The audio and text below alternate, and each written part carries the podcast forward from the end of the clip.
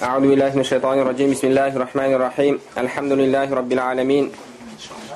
والصلاة والسلام على نبينا وإمامنا وقدوتنا وقرة عيوننا محمد وعلى آله وأصحابه أجمعين. اللهم لا سهل إلا ما جعلته سهلا وأنت تجعل الحزن إذا شئت سهلا. رب يسر ولا تعسر رب تمن بالخير. رب اشرح لي صدري ويسر لي أمري واحلل عقدة من لساني يفقه قولي. اللهم علمنا ما ينفعنا وانفعنا بما علمتنا وزدنا علما وعملا وتقا وإخلاصا يا رب العالمين أما بعد السلام عليكم ورحمة الله وبركاته иншаллах алла субханала тағаланың қалауымен бүгін қазіргі таңда дау дамайға себеп болып жатқан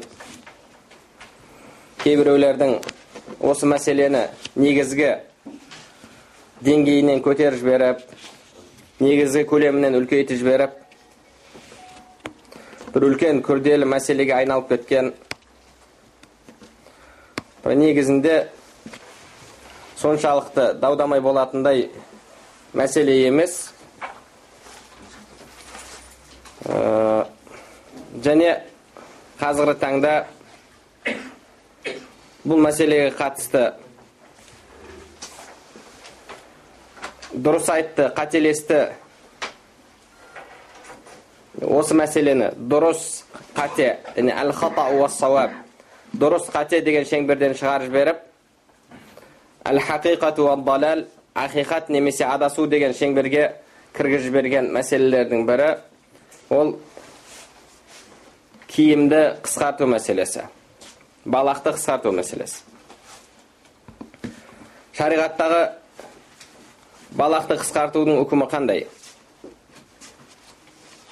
Қазіргі таңда кейбір адамдар сіздің тақуалығыңызды сіздің пайғамбарымыз саллаллаху алейхи вассаламның сүннетін сүюіңізді сүймеуіңізді ұстануыңызды ұстанбауыңызды осымен өлшейтін болды.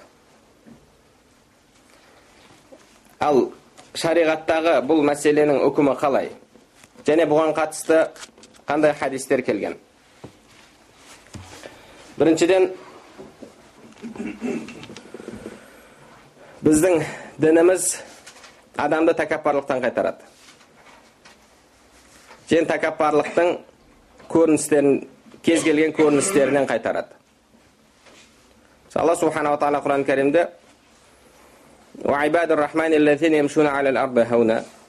рахманның құлдары жер бетінде сыпайы жүреді деді кішіпейілділікпен жүреді алла субханала тағала оларды тәкаппар адамдардың жүрісімен жүруден қайтарды лұқман әл хаким дана лұқман өзінің ұлына уақсид фи машик жүрісіңде орта бол деді яғни біздің дініміз жалпы тәкаппарлықтың кез келген көрінісінен қайтарады. Тәкаппарлықтың кез келген көрінісінен қайтарады. Себебі тәкаппарлық тек қана алла субханала тағалаға жарасады. Кімнің жүрегінде зәреде тәкаппарлық болса ол адам жәннатқа кірмейді деген пайғамбарымыз саллаллаху алейхи вассаламның хадисі бар. Алла субханала тағала құран кәрімде лұқман алейхисаламның тілімен айтады дейік яғни лұқман алейхисаламның сөзін келтіреді лұқман алейхисаламның сөзін келтірген бұл алла субханала тағаланың кәләмі лұқман айтты деген алла субханала тағаланың кәләмі алла субханала тағала айтады лұқман баласына айтты дейді алла субханала тағала әрбір даңдайсыған тәкаппар мақтаншақты жақсы көрмейді деді мұхтал ол іс әрекетінде тәкаппарлық көрінетін адам іс әрекетінде жүрісінде киінісінде тәкаппарлықты көрсететін тәкаппарлықпен жүретін адам фахур сөзінде тәкаппарлық жасайтын адам сөзінде тәкаппарлық жасайды яғни ә, білесіңдер ма мен кіммін менің әкем кім екенін білесіңдер ма менің қандай жүзден екенін білесіңдер ма қандай рудан екенін білесіңдер ма деген сияқты яғни ол өзін сөзінде тәкаппарланатын адам біздің дініміз жалпы тәкаппарлықтың кез келген көріністерінен қайтарады енді пайғамбарымыз саллаллаху алейхи уассаламның кезінде сондай қиын заман болды қиын дәуір болды ол кезде адамдар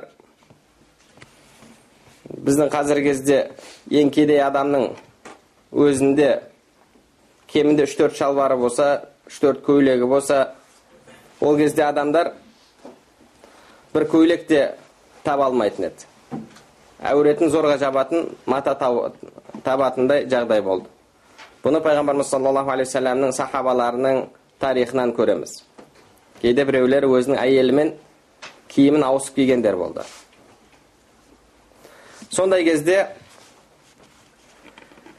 адамдар өзінің бай екенін тәкап көрсету үшін өзінің ақшалы екенін көрсету үшін біреулер бір метр мата таба алмай жүрсе екінші біреулер лишний матаны артық матаны артынан салбыратып жүретін. Артынан салбыратып жүретін. Ол кезде ол байлықтың ақшасы бар екенін белгісі.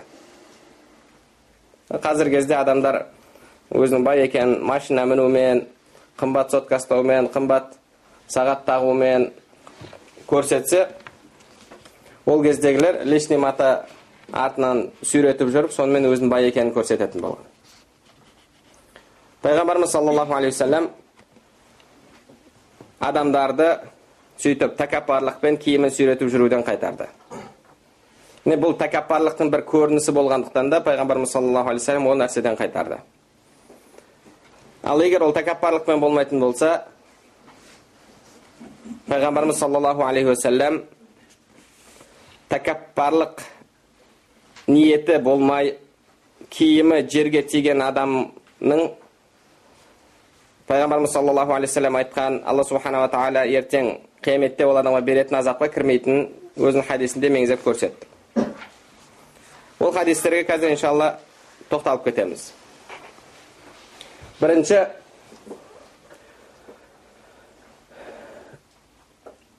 егер тәкаппарлық болмаса адамның ниетінде басқалардан өзін жоғары қою болмаса киімнің тобықтан төмен түсуі харам емес екеніне тоқталып кетейік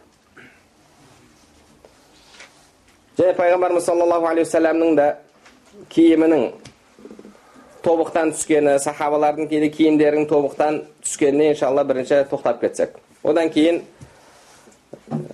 киімді тобықтан төмен түсіріп жүру тозақта оны харам екенін білдіріп келген хадистерге иншалла арнайы тоқтаймыз бірінші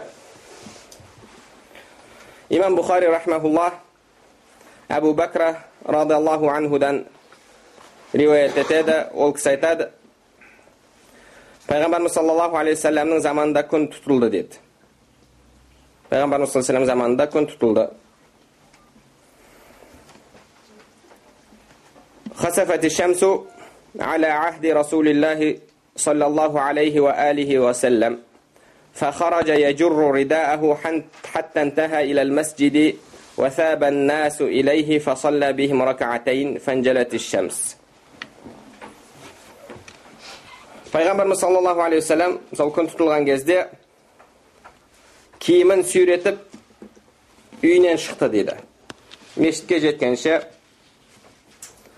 кейін адамдар жиналды пайғамбарымыз саллаллаху олармен екі рәкат бірге намаз оқыды сөйтіп күн ашылды дейді имам насаида келетін риуаятта яжурру сәуба киімін сүйретіп келді дейді киімін сүйретіп келді сөйтіп хусуф намазын оқиды сонымен күн ашылды деді. Бір ғұлама айтпақшы алла субханала тағала бізге күн тұтылғанда күнді ашатын аппарат берген жоқ бірақ күнді ашатын намаз берді деді. Жаңбыр жаудыратын аппарат берген жоқ бірақ жаңбыр жаудыратын алла субханала тағала бізге намазды үйретті бұл сол намаздардың бірі яғни бұл алла субханала тағала намазға берген сондай үлкен күш имам муслим рахмауллах риуаят етеді айбран ибн хусайн радиаллаху анхудан пайғамбарымыз саллаллаху алейхи уассалам дейді саллал аср аср намазын оқыды фасаллама фи талати ракаат үш ракаттан сәлем беріп қойды деді كين يين كربكتا فقام إليه رجل يقال له الخرباق وكان في يده طول فقال يا رسول الله وذكر له صنيعه وخرج غضبان يجر رداءه حتى انتهى إلى الناس فقال أصدق هذا. إلى آخر الحديث. پیغمبر صلى الله عليه وسلم عصر намазын үш ракат қылып оқып қойды деді бір риуаяттерде صلى الله عليه وسلم بيرت салам берді да үйіне кіріп кетті деді сонда хирбақ bir zulyadayn deb keladi payg'ambarimiz sallallohu alayhi vasallam ortidan kirib ya rasululloh osылай istedim dedi не namoz qisqardimi немесе unutdingmi deb bir rivoyatlarda so'raydi. Payg'ambarimiz sallallohu alayhi vasallam ashulanib kiyimini suyratib uyidan chiqdi dedi. Odamlarga kelib rost aytib жатырма deb so'radi deydi endi bu yerda payg'ambarimiz sollallohu alayhi vasallamning kiyimi suyratib kelganin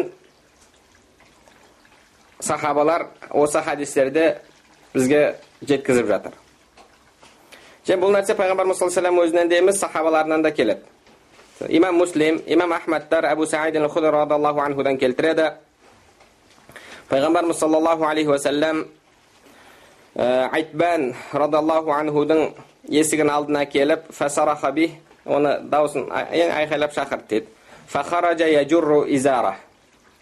ол изарын сүйретіп шықты дейді изар дегеніміз өз негізі белден байланатын киім изар рида дейді рида үстіне киіледі изар астына киіледі және ол негізі пайғамбар саллаллаху кезіндегі өзі арабтардың киімі көбінше сол рида изар болған рида изар ол мына қазіргі біз арабтарда көретін ақ киім емес сплошной басынан аяғына дейін ол бөлек киім ол бөлек киім асты бөлек үсті бөлек. Қазіргі кездегі мынау индонезия малайзиялықтардың киіміне көбірек келеді. Және одан кейін пайғамбарымыз саллаллаху алейхи вассаламға абу бәкір радиаллаху келіп я расулаллах мен киімім түсіп кете береді деді. Егер ол сплошной киім болған кезде ол қанша арық болсаң да түспейді. Себебі ол желкеде тұрғаннан кейін ары қарай түспейді. Енді бұл деген ол бөлек белден байланатын киім болған. Пайғамбарымыз саллаллаху алейхи вассалам бұл жерде олардың киімінің суретіліп келгенін көрген кезде оны инкар еткен жоқ. Инкар еткен жоқ. Және ешқандай бір хадистерде асыққан кезде болады асыққан асықпаған кезде болмайды деген сөз де жоқ. Кейбіреулер бұл хадистерді негізі асыққан кезде деп айтады. Асыққан кезде харам іс халал болып қалмайды. Имам бұхари рахмауллах китабу табир яғни түс жору кітабында және басқа жерінде де имам муслим да өзінің сахихында риуаят етеді пайғамбарымыз саллаллаху алейхи уассалам түс көреді түсінде умар ибн алейхи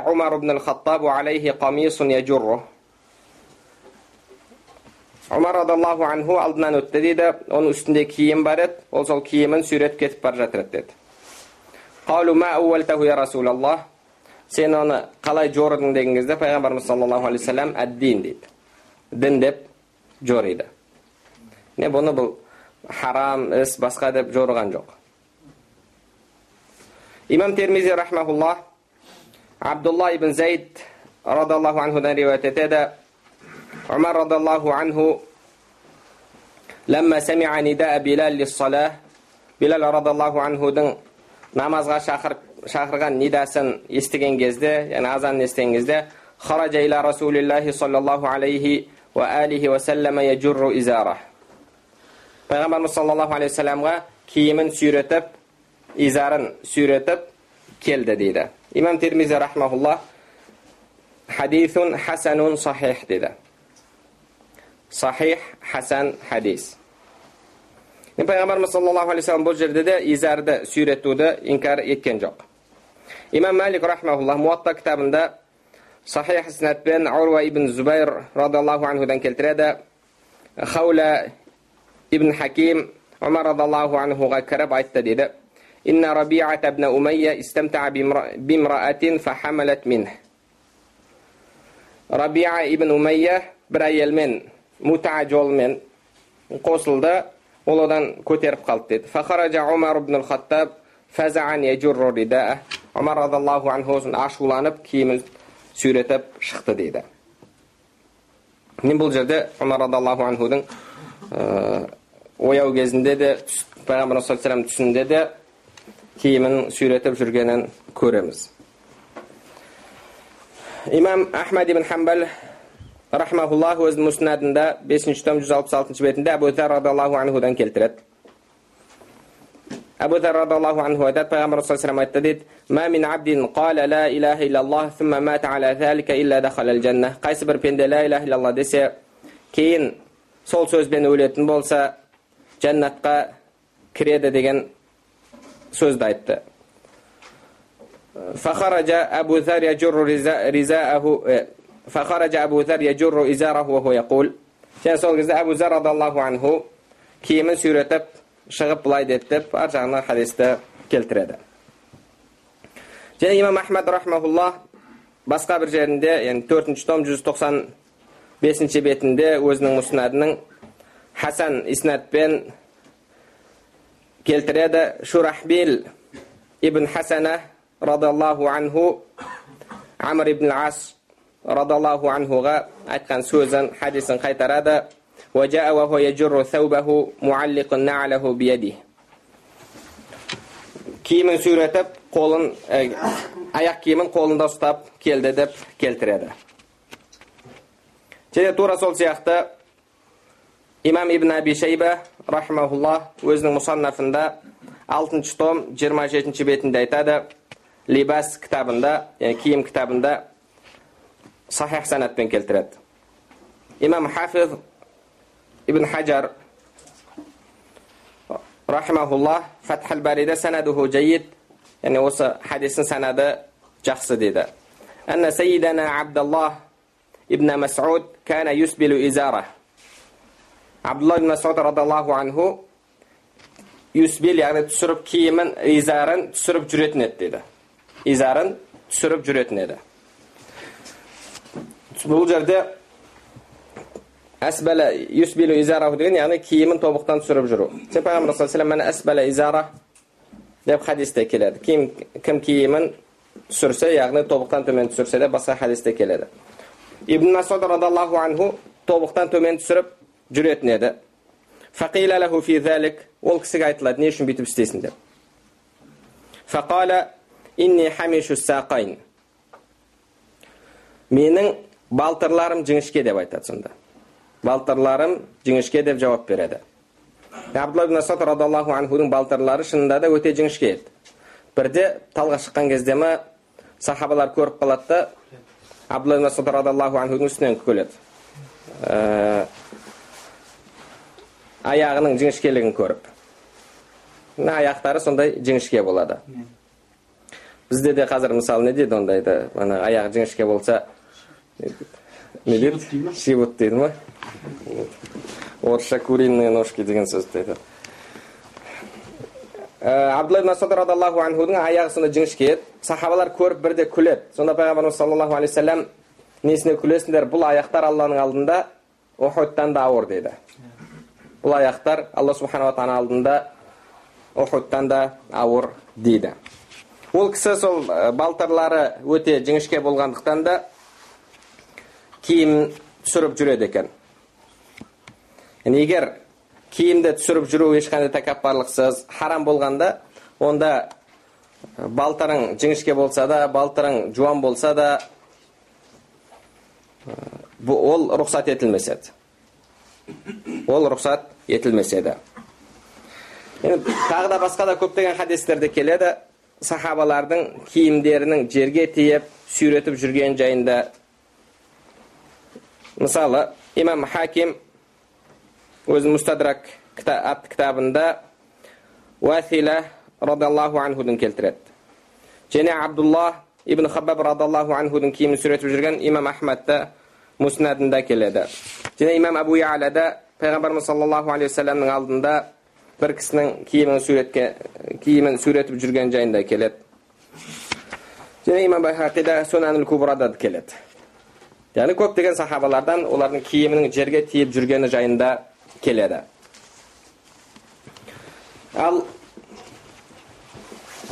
енді бұл пайғамбарымыз саллаллаху алейхи вассаламның өзінің ісінен сахабалардың ісінен көретініміз олар тәкаппарлық болмаған кезде киімдерін жерге тиіп жүргенін біз осы хадистерден көреміз және пайғамбарымыз саллаллаху алейхи вассалам сахабаларға да оны көрген кезде ұрысқан жоқ оны көрген кезде ұрысқан жоқ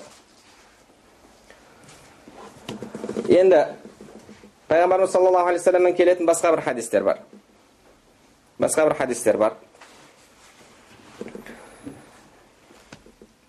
хадистердің яғни топтап келгенде мағынасы сахих хадистер тобықтан төмен түскені тозақта деп келеді тобықтан төмен түскені тозақ тобықта төмен түскені тозақта деп келетіні бар екінші бір басқа бір хадистерде мәнжар изараху хуяла немесе мәнжар саубаху хуяла кім тәкаппарлықпен киімін сүйретіп жүрсе дейді оның үкімі былай деп келеді енді имамдарымыз бұл хадистерден егер киім тәкаппарлықпен түсетін болса харам болатынын егер тәкаппарлық болмаса харам болмайтындығын түсінген себебі хадистер бір бірін толықтырады. Бір жерде пайғамбарымыз саллаллаху алейхи уассалам тәкаппарлықты айтпастан киімін түсіріп жүрсе деп айтқан болса екінші бір жерде тәкаппарлықпен деп айтады. Яғни хадистер бір жерде мұтлақ келеді екінші бір жерде мұқайят келеді. Усул ереже бар.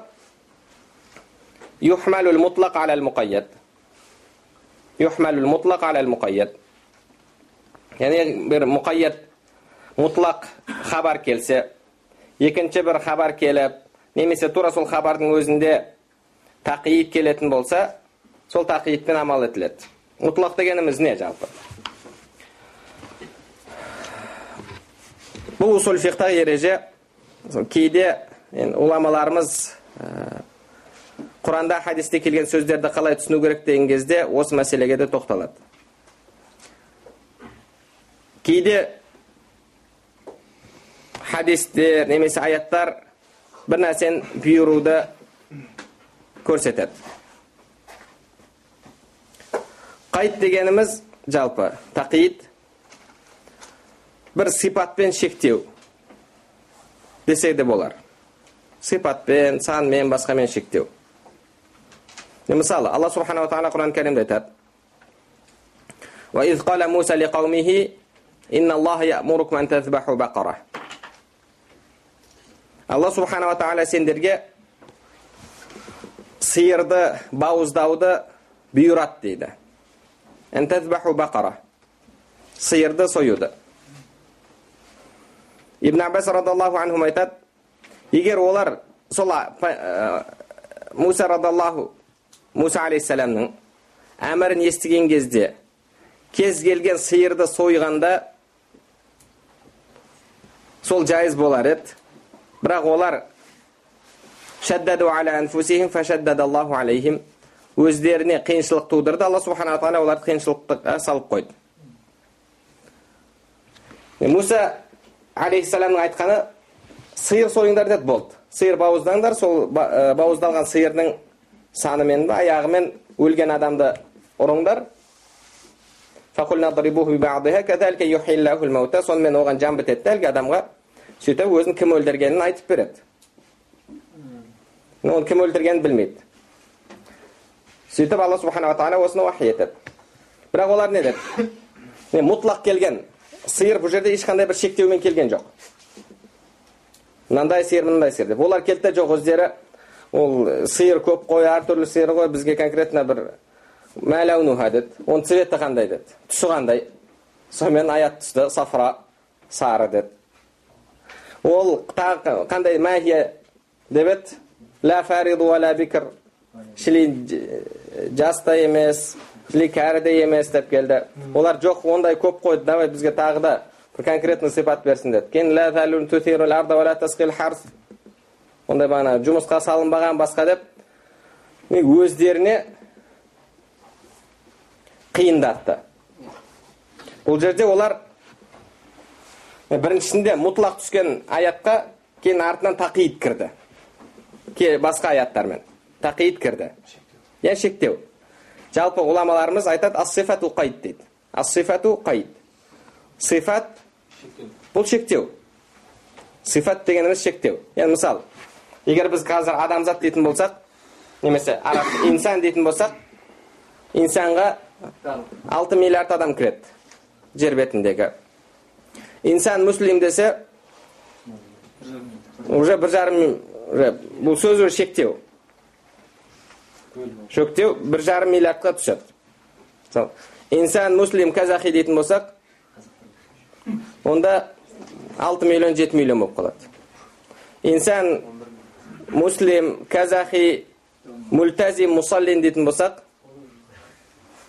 намазын оқып жүрген намазхан дейтін болсақ онда ол тағы да қысқарады. Ұлы жүз дейтін болсақ тағы да қысқарады. Кіші жүз дейтін болсақ тағы да одан бетер қысқара береді. Яғни сифат деген бұл шектеу.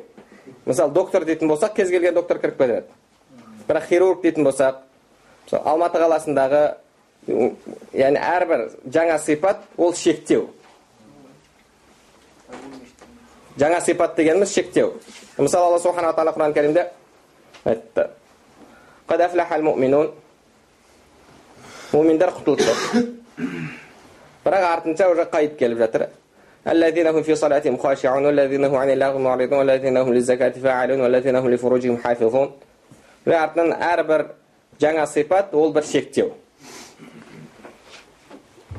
яғни кейде бір аят хадис мұтлақ келеді ешқандай бір шектеусіз келеді да екінші тура сол аят сол үкімге қатысты басқа бір аят келеді да бір сипатпен келеді оны тақиид деді яғни бір сипатпен шектеу егер осы екі аят немесе екі хадис немесе аят хадис бір мәселеде келетін болса онда екеуін жинап топтап келіп үкім шығарылады бұны ам хас деген сияқты біз өткенде бидатта өткенде ам хас деп өттік қой иә ам жалпылама келген оны тақсис жасау дедік бұл да тура сол сияқты мұтлақ мұқайят деп айтылады олар айтады мұтлақ келген хадистерді мұқайят хадистермен тәпсірлейміз дейді мұтлақ келген хадистерді мұқайят хадистермен тәпсірлейміз деді сонда екі хадисті жинаған кезде оның мағынасы кім тәкаппарлықпен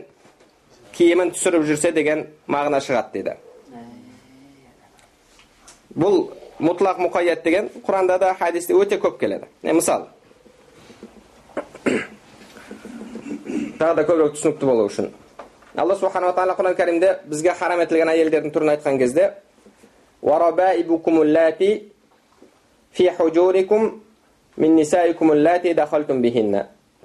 сендердің қолдарыңдағы қосылған әйелдеріңнің қыздары деді. Қосылған әйелдеріңнің қыздары. Қолдарыңдағы. Яғни үйіңде ұстап отырған. Бұл жерде қолдарыңдағы деген фи яғни сендердің қолдарыңда сен үйіңде сол үйленген әйеліңмен бірге тұрып жатыр қызы. Қосылған әйелдеріңнің деді. Қосылмаса харам болмайды. Біз өткен жолы айтып кеттік иә? Қосылмаса харам болмайды. Ал енді бұл жерде екі қайт келіп тұр. Екі қайт. Бірі фи хужурикум үйлеріңде қолдарыңда болған деген екіншісі қосылған әйелдеріңмен деп тұр. Жай әйел емес қосылған әйел. Бірақ біріншісі үйлеріңде деген ол негізі қайда емес ол шектеу емес ол тек қана хаража махражал ғалип деді хаража махражал ғалип яғни көбінше қолында болады сол үшін айтылған бірақ ол шектеу емес егер қызы сіздің үйіңізде болмаса әкесімен бірге тұрса да өзі бөлек тұрса да сізге харам болады себебі аяттың жалғасында егер қосылмаған болсаңдар онда сендерге үйленуге үйленудің оқасы жоқ деді бірақ үйлеріңде болмаса деген артынан келген жоқ қолдарыңда тұрмаса деген келген жоқ яғни бұл жерде қолда тұру ол тек қана сол көбінше қызы әйелімен немесе анасымен бірге болғандықтан да келген қолдарыңдағы деп бұл жерде қосылған деген уже қайт сифат қайт шектеулі мысалы басқа бір аят فمن لم يجد فصيام شهرين متتابعين من قبل أن يتماسا кімнің алдыңғы кафараттардың түріне шамасы келмесе онда екі ай ораза тұтсын деді енді бұл қандай екі ай ораза да мұқайят келеді мутатабиайн артын артын min qabla yatamassa қосылудан алдын енді бұның бәрі шектеу бұның бәрі шектеу бұл бір аятта келу мысалы бір аятта немесе бір дәлелде бір ә, нас дедіңіз бір тексттің ішінде сразу тақиид келеді енді бір аяттарда басқа бір аятта келеді мысалы құранда алла субханала тағала айтады حرمت عليكم الميتة والدم ولحم الخنزير сендерге харам етілді өлексе мәйта уаддам қан уалахмул хинзир және доңыз еті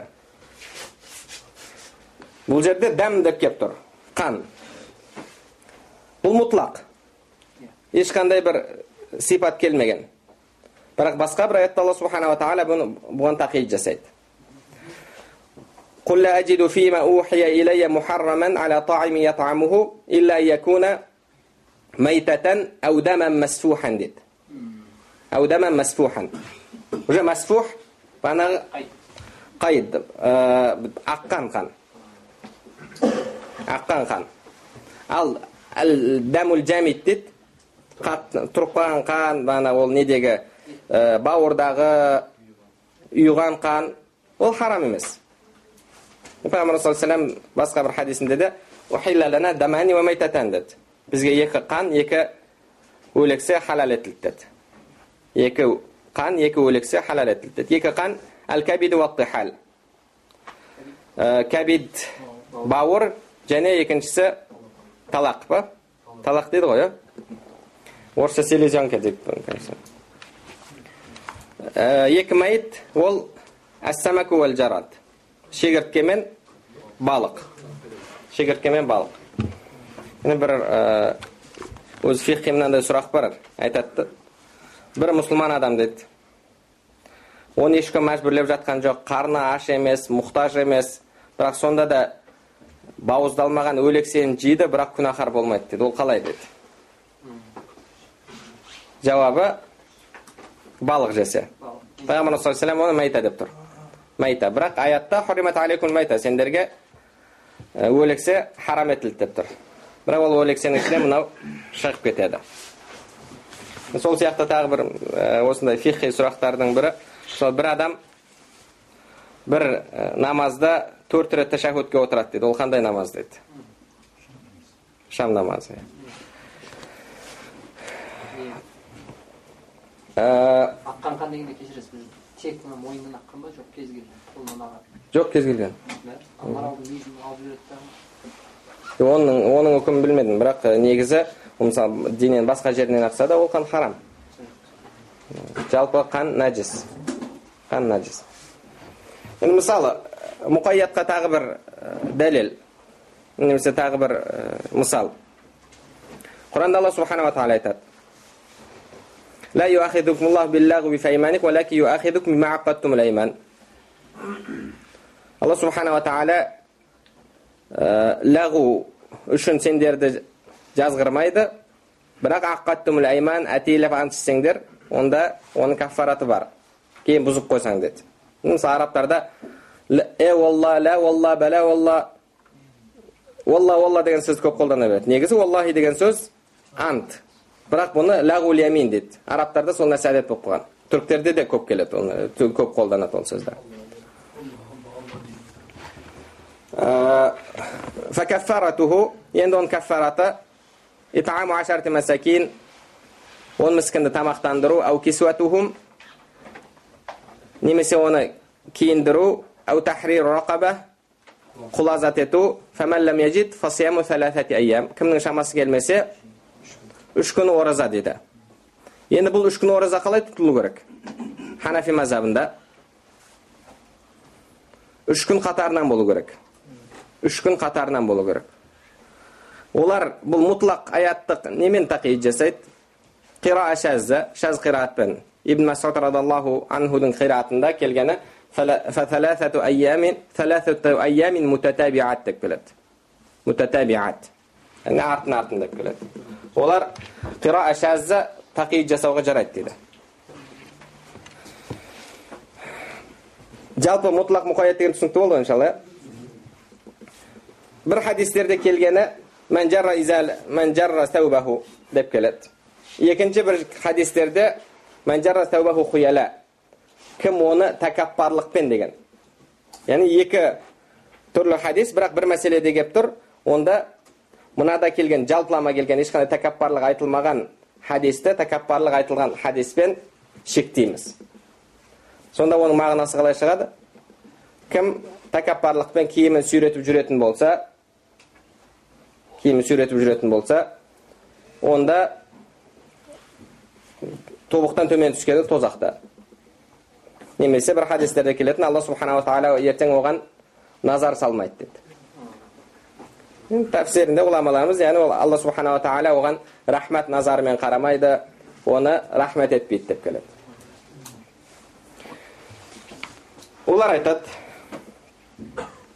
оған тағы бір дәлел тәкаппарлықпен болмаса рұқсат екендігіне дәлел пайғамбарымыз саллаллаху алейхи вассаламға әбу бәкір радиаллаху анху келеді да айтады я расулаллах мен егер бір көңіл бөліп бүйтіп көтеріп жүрмесем киімім түсіп кете береді деді киімім түсіп кетеді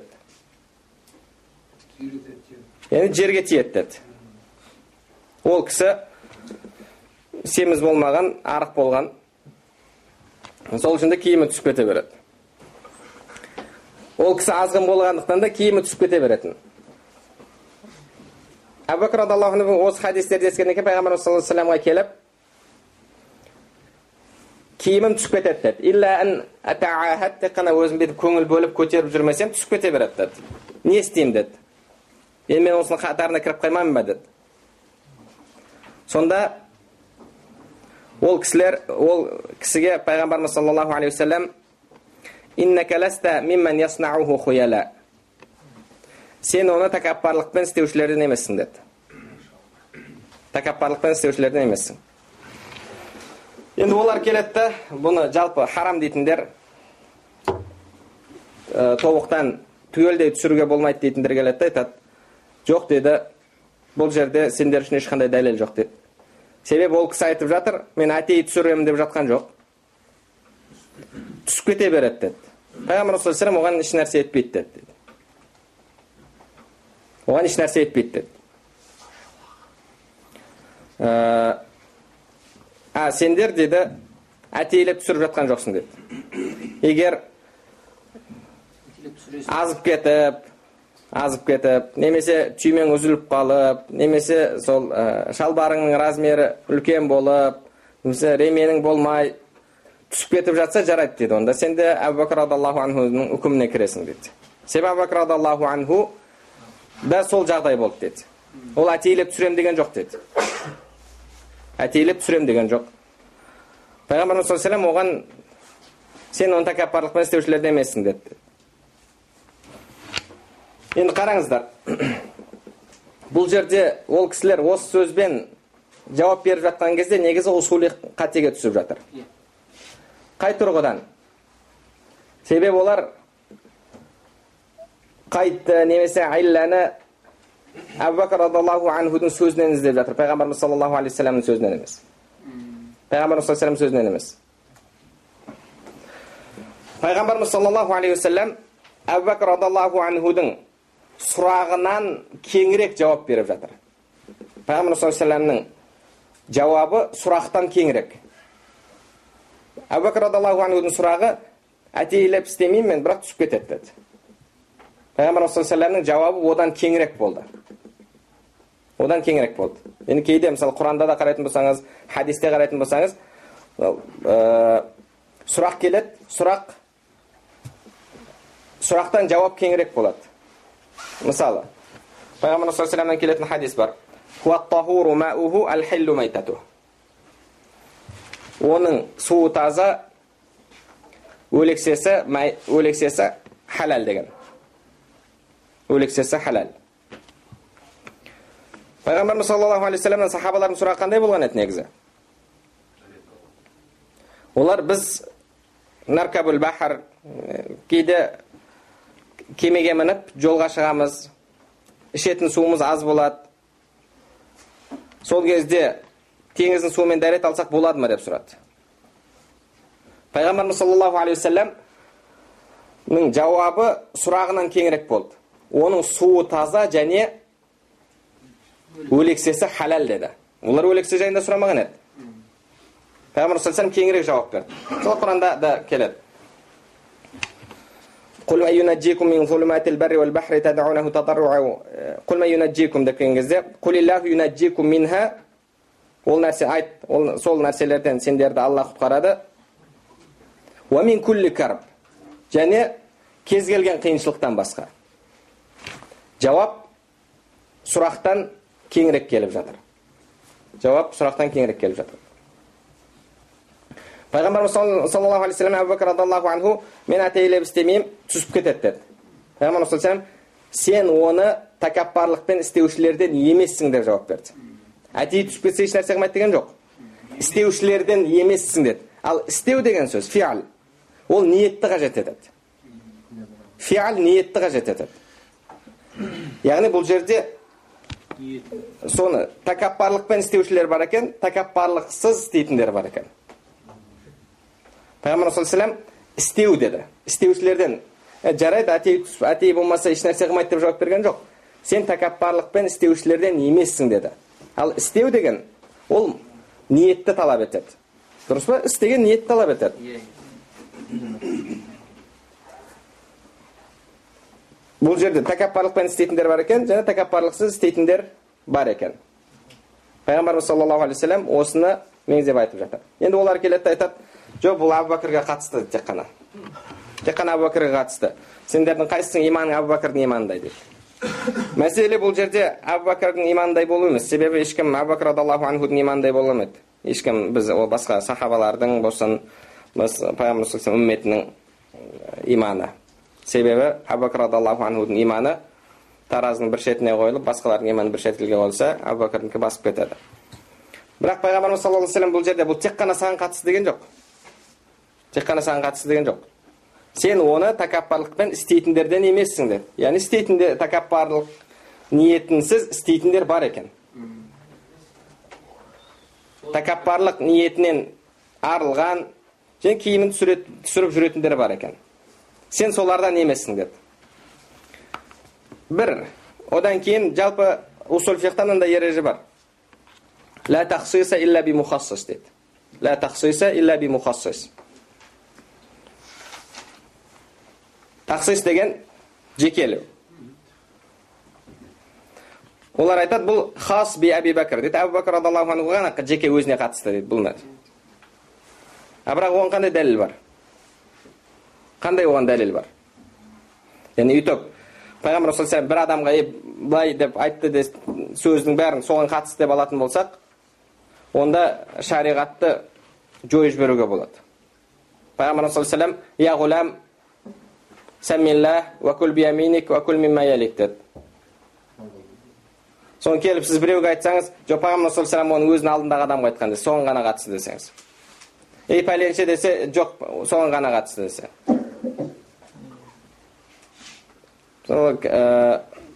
әбу бәкір радиаллаху кезінде зекет бермейміз дегендер сондай шубхаға түскен еді олар хуз мин амуалихим садақатан деп алла субханала тағала айтты дейді олардың малдарының зекетін ал деп пайғамбар саллаллаху айтты деді хуз деп енді пайғамбарымыз саллаллаху жоқ деді алла субханала тағала пайғамбарымызға айтқан еді пайғамбарымыз жоқ болды біз зекет бермейміз деді яғни ол пайғамбар саллаллаху өзіне, өзіне ғана қатысты деп ұйғарды солай шешіп еді бұл жерде әбу бәкір радиаллаху анхуға оның қатысты екеніне ешқандай дәлел жоқ.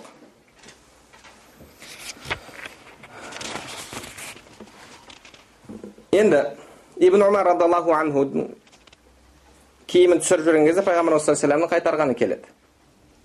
Пайғамбар саллаллаху оны қайтарғаны келеді.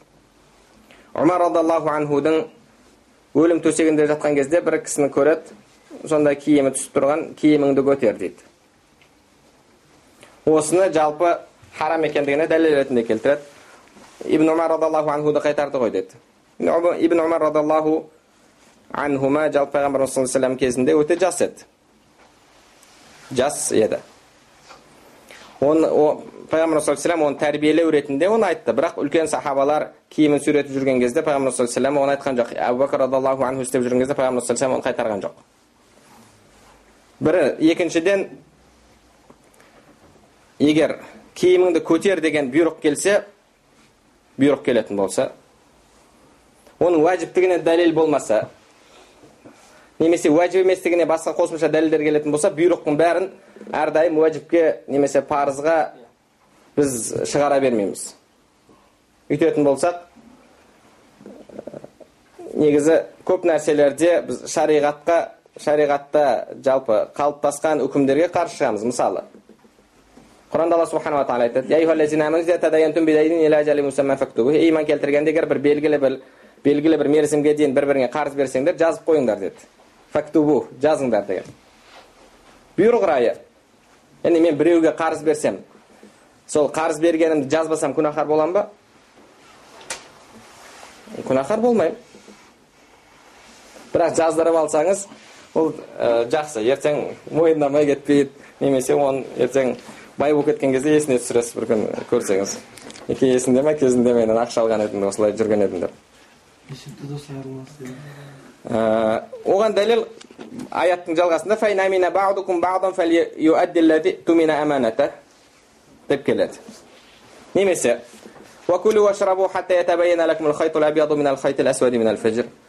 таң атқанша ішіңдер жеңдер деді. Күлу уашрабу жеңдер деп тұр. Енді мен тура сол мысалы таң алтыда ататын болса бесте елу тоғызға дейін ішпесем күнәһар боламын ба? Жоқ күнәһар болмаймын бұл жерде. Оның мубах екендігін білдіріп жатыр. Оның мубах екендігін білдіріп жатыр. Сол үшін ол бұйрықтың барлығы парыздық білдіре бермейді. Сіз балаңызға сүннет намазын оқы деп ұрыссаңыз ол оның парыздығын білдірмейді. Омар радиаллаху анху изарыңды көтер деп жатса ол оның парыздығын білдірмейді. Мына жақта анық хадистер тұр. Пайғамбарымыз саллаллаху алейхи радиаллаху анхуға анық айтып жатыр. Анық айтып жатыр. Және имам бұхари рахмаулла өзінің кітабында пайғамбарымыз саллаллаху алейхи күн тұтылған кезде киімін суретіп келгенін сол хадисті келтіреді да соған мынандай бап қояды. Бәбу мән жарра изараху мин ғайри хуяла. Тәкаппарлықсыз киімін сүйретіп жүргендік жүргеннің бабы деп келтіреді немесе жүрудің бабы деп келтіреді және бұл жерде ешқандай асығу асыққан кезде деген сөзді имам бұхарида айтып жатқан жоқ және пайғамбарымыз саллаллаху алейhi вассаламда ешкімге ә, асықсаң болады асықпасаң болмайды деген сөзді айтқан жоқ имам науаи рахмаулла айтады ә, муслимге жасаған шархында он үшінші том алпысыншы бет قال العلماء الخيلاء بالمد والمخيلة والبطر والكبر والزهو والتبختر كلها بمعنى واحد. إن خيلاء آه، مخيلة بطر كبر تبختر بارلغ برمغنا ذات وهو حرام جنة والحرام ديت. تكبر الحرام. ويقال خال خال خال الرجل خالا آه، تكبر الجسد عند خالد واختال إذا تكبر وهو رجل خال أي متكبر.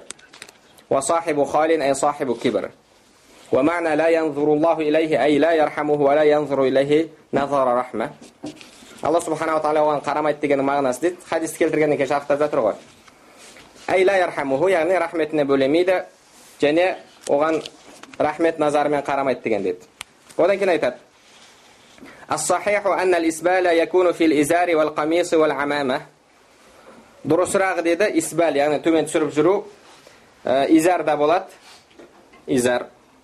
Белден байланатын киім де болады қамис жалпы көйлек те болады енді мысалы ұзын көйлек кисеңіз қазір арабтардікіндей енді шалбар дейік.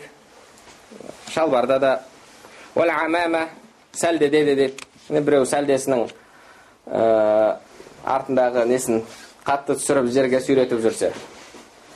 ода да болады деді وأنه لا يجوز لا يجوز إسباله تحت الكعبين إن كان للخيلاء тобықтан төмен түсіруге болмайды егер тәкаппарлықпен болатын болса فإن كان لغيرها فهو مكروه егер тәкаппарлықпен болмаса онда ол макрух дейді онда ол макрух дейді енді жалпы негізі шафилерде макрух деген кезде макрух тәнзих айтылады енді бұл имам науауи рахмауллахтың өзінің жеке пікірі бірақ басқа имамдар айтады пайғамбарымыз саллаллаху хадисінде анық келген ол жерде тәкаппарлықсыз істемесең онда оның оның макрух емес екендігін де білдіреді деді оның үстіне мысалы абдулла ибн масуд радиаллаху анхуды түсіріп жүретін неге деген кезде менің балтырым жуха дейтін бұл имам науауидің өзінің жеке мазхабы وظواهر الأحاديث في تقييدها بالجر خيلاء تدل على أن التحريم مخصوص بالخيلاء енді хадистерде тәкаппарлықпен деп тақиды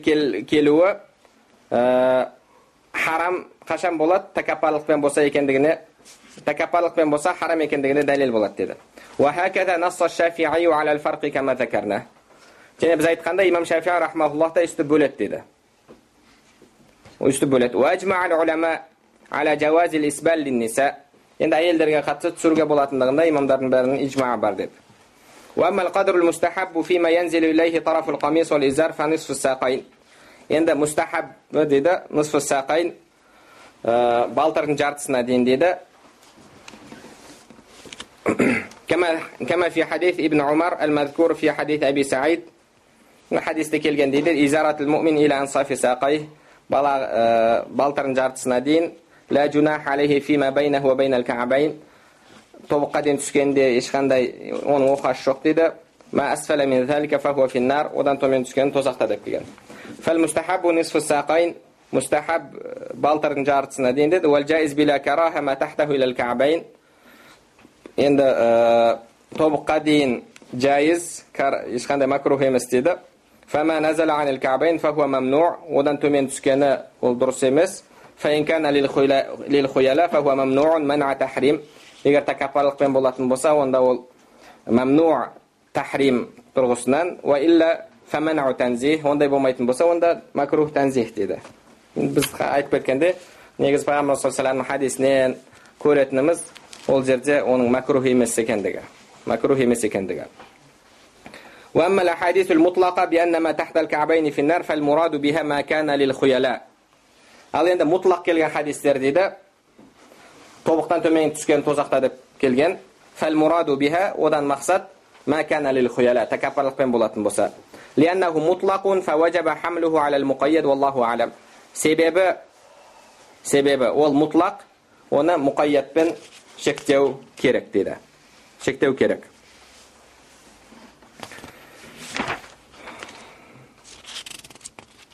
имам ибн хаджар ласқалани рахмаулла айтады وهذا الإطلاق محمول على ما ورد من قيد الخيلاء فهو الذي ورد فيه الوعيد بالاتفاق енді бұл кісі де тура соны айтып жатыр егер тәкаппарлықпен деген тәкаппарлық айтылмай келген хадисті тәкаппарлық айтылған хадиспен шектеу керек дейді бана азап осыған қатысты келген дейді одан басқасына қатысты оны, оны басқа тағы да ол жайында сөйлейміз дейді егер кімде тобығында жара басқа болатын болса онда оған ешқандай проблема жоқ дейді. Енді ол кісі де осы имам науауи сөзіне жақын сөз айтып жатыр. Жалпы усул фихта мынандай ереже бар. Әл иллату немесе әл хукму ядуру ма вуджудан адаман. Үкім илласымен бірге жүреді деді бар болуда жоқ болуда. إذا انتفت العلة انتفى الحكم إذا وجدت العلة وجد الحكم егер айласы жоқ болатын болса үкімі де жоқ болады егер айласы бар болса үкім пайда болады деді бұл жерде айласы харам болудың ол тәкаппарлықпен тәкаппарлықпен міне қоғамда егер қашан ұзын киім киіп жүру тәкаппарлықтың белгісіне айналатын болса онда үкім қайтып келеді тура сонымен амал ету керек егер қоғамда ол тәкаппарлықтың белгісіне айналатын болатын. Бірақ қазіргі кезде мысалы біздің қоғамда бұл тәкаппарлықтың белгісі емес. Мысалы бір адам шалбарын немесе джинсысын киіп алса аяқ киімін шешкен кезде аяғы шалбардың ішіне кіріп тұрса. Көрген адам не дейді? Мынау папасының шалбарын киіп алған ба или қысқартуға ақша таппай қалыпты ма дейді? Бізде ол ешқандай бір тәкаппарлықтың белгісі емес тәкаппарлықтың белгісі емес егер ол тәкаппарлықтың белгісіне айналса онда үкім харам болады үкімі харам болады ал бізде қазіргі кезде адамдар кезінше шорты киіп алып тәкаппарланады кейбіреулер шорты киіп алып тәкаппарланады енді біреулер мини юбка киіп алып тәкаппарланады мысалы қазіргі кезде мысалы қыз ұзын киетін болса ол провинциалка колхозница тағы да басқа. Ол өзін тұмшалап алған ол отсталая қазір адамдардың арасында сондай нәрсе айтылады ал егер тізеден киетін болса ана костюммен ол бизнес леди. Нағыз бизнестің әйелі. Одан қыса киетін болса ол жұлдыз тағы да басқа сол сияқты. Яғни адамдардың арасында бізде қазіргі кезде сондай заманда өмір сүріп жатырық ол понятияның бәрі өзгеріп кеткен. Міне ешкім ол ұзын киімді қазір тәкаппарлық деп көрмейді. Бізде біздің қоғамда ол тәкаппарлықтың белгісі емес. Пайғамбарымыз саллаллаху алейхи вассаламның кезінде адамдар сол арқылы өздерінің бай екенін білдіретін болған. Пайғамбарымыз саллаллаху алейхи вассалам қоштасу қажылығында не деді? Бұдан кейін кәбаны ешкім жалаңаш тауаф етпесін деді. Жалаңаш тауаф етпесін деді. Себебі одан алдын кәбаны жалаңаш тауаф ететіндер бар еді. Пайғамбарымыз саллаллаху қайтарды. Не үшін олар жалаңаш, жалаңаш кәбаны тауаф ететін еді? Құрайш мынандай ереже шығарады. Сендер үстеріңде киімдеріңмен күнә істеп жатсыңдар. Ол киім күнәға батқан киім. Енді күн негізі киім күнәһар киім ә, күнәсіз киім деп айтылмайды ғой мәселе киімде емес енді бірақ олар сондай нәрсе шығарып алған сол үшін бұл киімдерің лас киім онымен тауаф етуге болмайды деді сөйтіп өздері киім тігіп алып киім тігіп соны сататын шамасы келгендер сол киімді сатып алуға киім сатып алып сонымен айналатын шамасы келмейтіндер енді киім сатып ала алмайды мына киімі болмайды сонымен одан да киімсіз тауаф етейін деп киімсіз тауаф ететін еді не адамдар сондай жағдайда өмір сүрді бір адам бір киім сатып алуға мүмкіншілігі жоқ еді сахабалардан да қанша көреміз әйелі екеу киімін ауысып кигені біреулер тек қана әуретін зорға жапқаны суффадағы кедейлер әбу хурайра радиаллаху анху бар соның ішінде енді сондай қиын заман еді сондай қиын заман еді кімнің киімі ұзын болса ол мынау артық материалға ақшасы жетеді екен мынау бай екен деген адамдарды түсінік болатын ол бір тәкаппарлықтың көрінісі болған кезде пайғамбарымыз саллаллаху алейхи уассалам кім осыны тәкаппарлықпен осылай киетін болса онда ол тозақта деп қайтарды себебі біздің діннің мақсаттарынан тәкаппарлықтың кез келген түрін жою тәкаппарлықтың кез келген түрін жою егер тәкаппарлық болмаса онда пайғамбарымыз саллаллаху алейхи әбу бәкір радиаллаху анхуға айтқандай сен оны тәкаппарлықпен істеушілерден емессің деді имам ибн фатхал бариде адам киімін ұзартып тәкаппарлық жасаған сияқты киімді қысқартып та тәкаппарлық жасау болады деді киімді қысқартып та тәкаппарлық жасау болады деді міне қазіргі кезде сондай қазіргі кезде сондай адамдар пайда болған қазір ол оның көзқарасында оның киімі қысқа ол басқалардан абзал ол сүннетке сай амал етеді. Басқалардың барлығы бидатшы басқалардың барлығын аяғынан төмен тозақта жүр. Барлығы күнәһар деп сондай бір өзінен төмен санап жоғарыдан қарайтын адамдар пайда болды. Негізгі мәселе ол тәкаппарлықты жою жүректен тәкаппарлықты шығару. Ал сыртқы киім соның көрінісі ғана. Соның көрінісі ғана адамдарда тәкаппарлық бар еді және соны тәкаппарлықпен көрсетіп жүретін еді енді қазіргі кезде адамдар негізгі мәселені ұмытып қойды да сыртқы көрініске жабысып алды қазір енді сөйтіп киімдерін қысқартып алып тәкаппарлыққа салынып жүретіндер бар өздері ғана сүннетті ұстанады қалғандардың барлығы адасуда деп басқаларға жоғарыдан қарайтын адамдар пайда болды бұл адамдар мәселенің негізін ұмытып қойып ол қосалқы мәселемен немесе екінші дәрежедегі мәселеге жабысып алған адамдар. Бағанағы қайсы? Ә, ирактан ба келіп ирактан келіп бір кісі қайсы бір сахабадан сұрайды ибн омардан болса керек. Ә, масаны өлтіріп қою жайында сұрайды масаны өлтірсең масаның қаны шығып кетсе деген кезде хусайн радиаллаху анхуды өлтіріп алдыңдар да енді келіп яғни оның қанын төктіңдер де енді келіп масаның қанын жайында сұрайсыңдар ма деген еді міне қазіргі кезде адамдарда сондай түсінік бар олар негізгі пайғамбар саллаллаху қайтарған алла субханала тағала жақсы көрмейді деген тәкаппарлықты тастап қой тәкаппарлықтан арылуды тастап қойды ісінде сөзінде қарайсыз тәкаппарлық көрініп тұрады бірақ сол тәкаппарлықтың пайғамбар саллаллаху кезінде дәуірінде көрінісі болған мәселеге жабысып қалды. Да негізгі мәселені олар ұмытып қойды. Яғни сыртқы жағына жабысып алды да өзегін мәселені тастап қойды. Енді негізі ә, егер пайғамбар саллаллаху сүннетіне хадиске дұрыс амал етеміз десек онда мәселе олайынан болмайды. Мәселе олайынан болмайды. Ә, сөзіміздің соңында имам бұхари рахмауллахтың кітабында келген китаб либаста келеді алла субханала тағала айтады.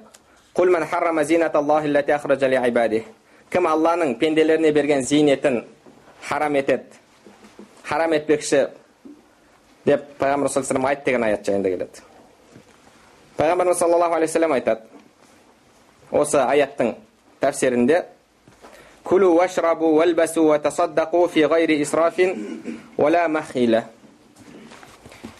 Ішіңдер, жеңдер, киіңдер, садақ беріңдер, бірақ ысырап жасамаңдар және тәкаппарлыққа салынбаңдар деді ибн аббас радиаллаху анхума айтады ибн аббас радиаллаху анхума осы хадиске қатысты айтады күл мәшит қалағаныңды же дейді уәлбәс мәшит қалағаныңды ки мә ахтаатка итнатан екі нәрседен сақ болсаң дейді сарафун әу махила ысырапқа салыну немесе тәкаппарлыққа берілу осы екі нәрседен сақ болсаң онда қалағаныңды ки дейді бұны имам ибн аби шайба келтіреді яғни осы пайғамбар саллаллаху хадисін ибн аббас радиаллаху анхума осылай тәпсірлеп жатқанын ә, имам ибн аби шайба рахмауллах келтіреді және сәнәді сахих сәнәді сахих алла субханала тағала бәрімізге пайдалы білім нәсіп етсін білімдерімізге амал қылуымызды амалдарымыздың қабыл болуын нәсіп етсін субханакаллахумма бихамдик нашхаду ан ла илляха илля анта настағфирук ва натубу илейх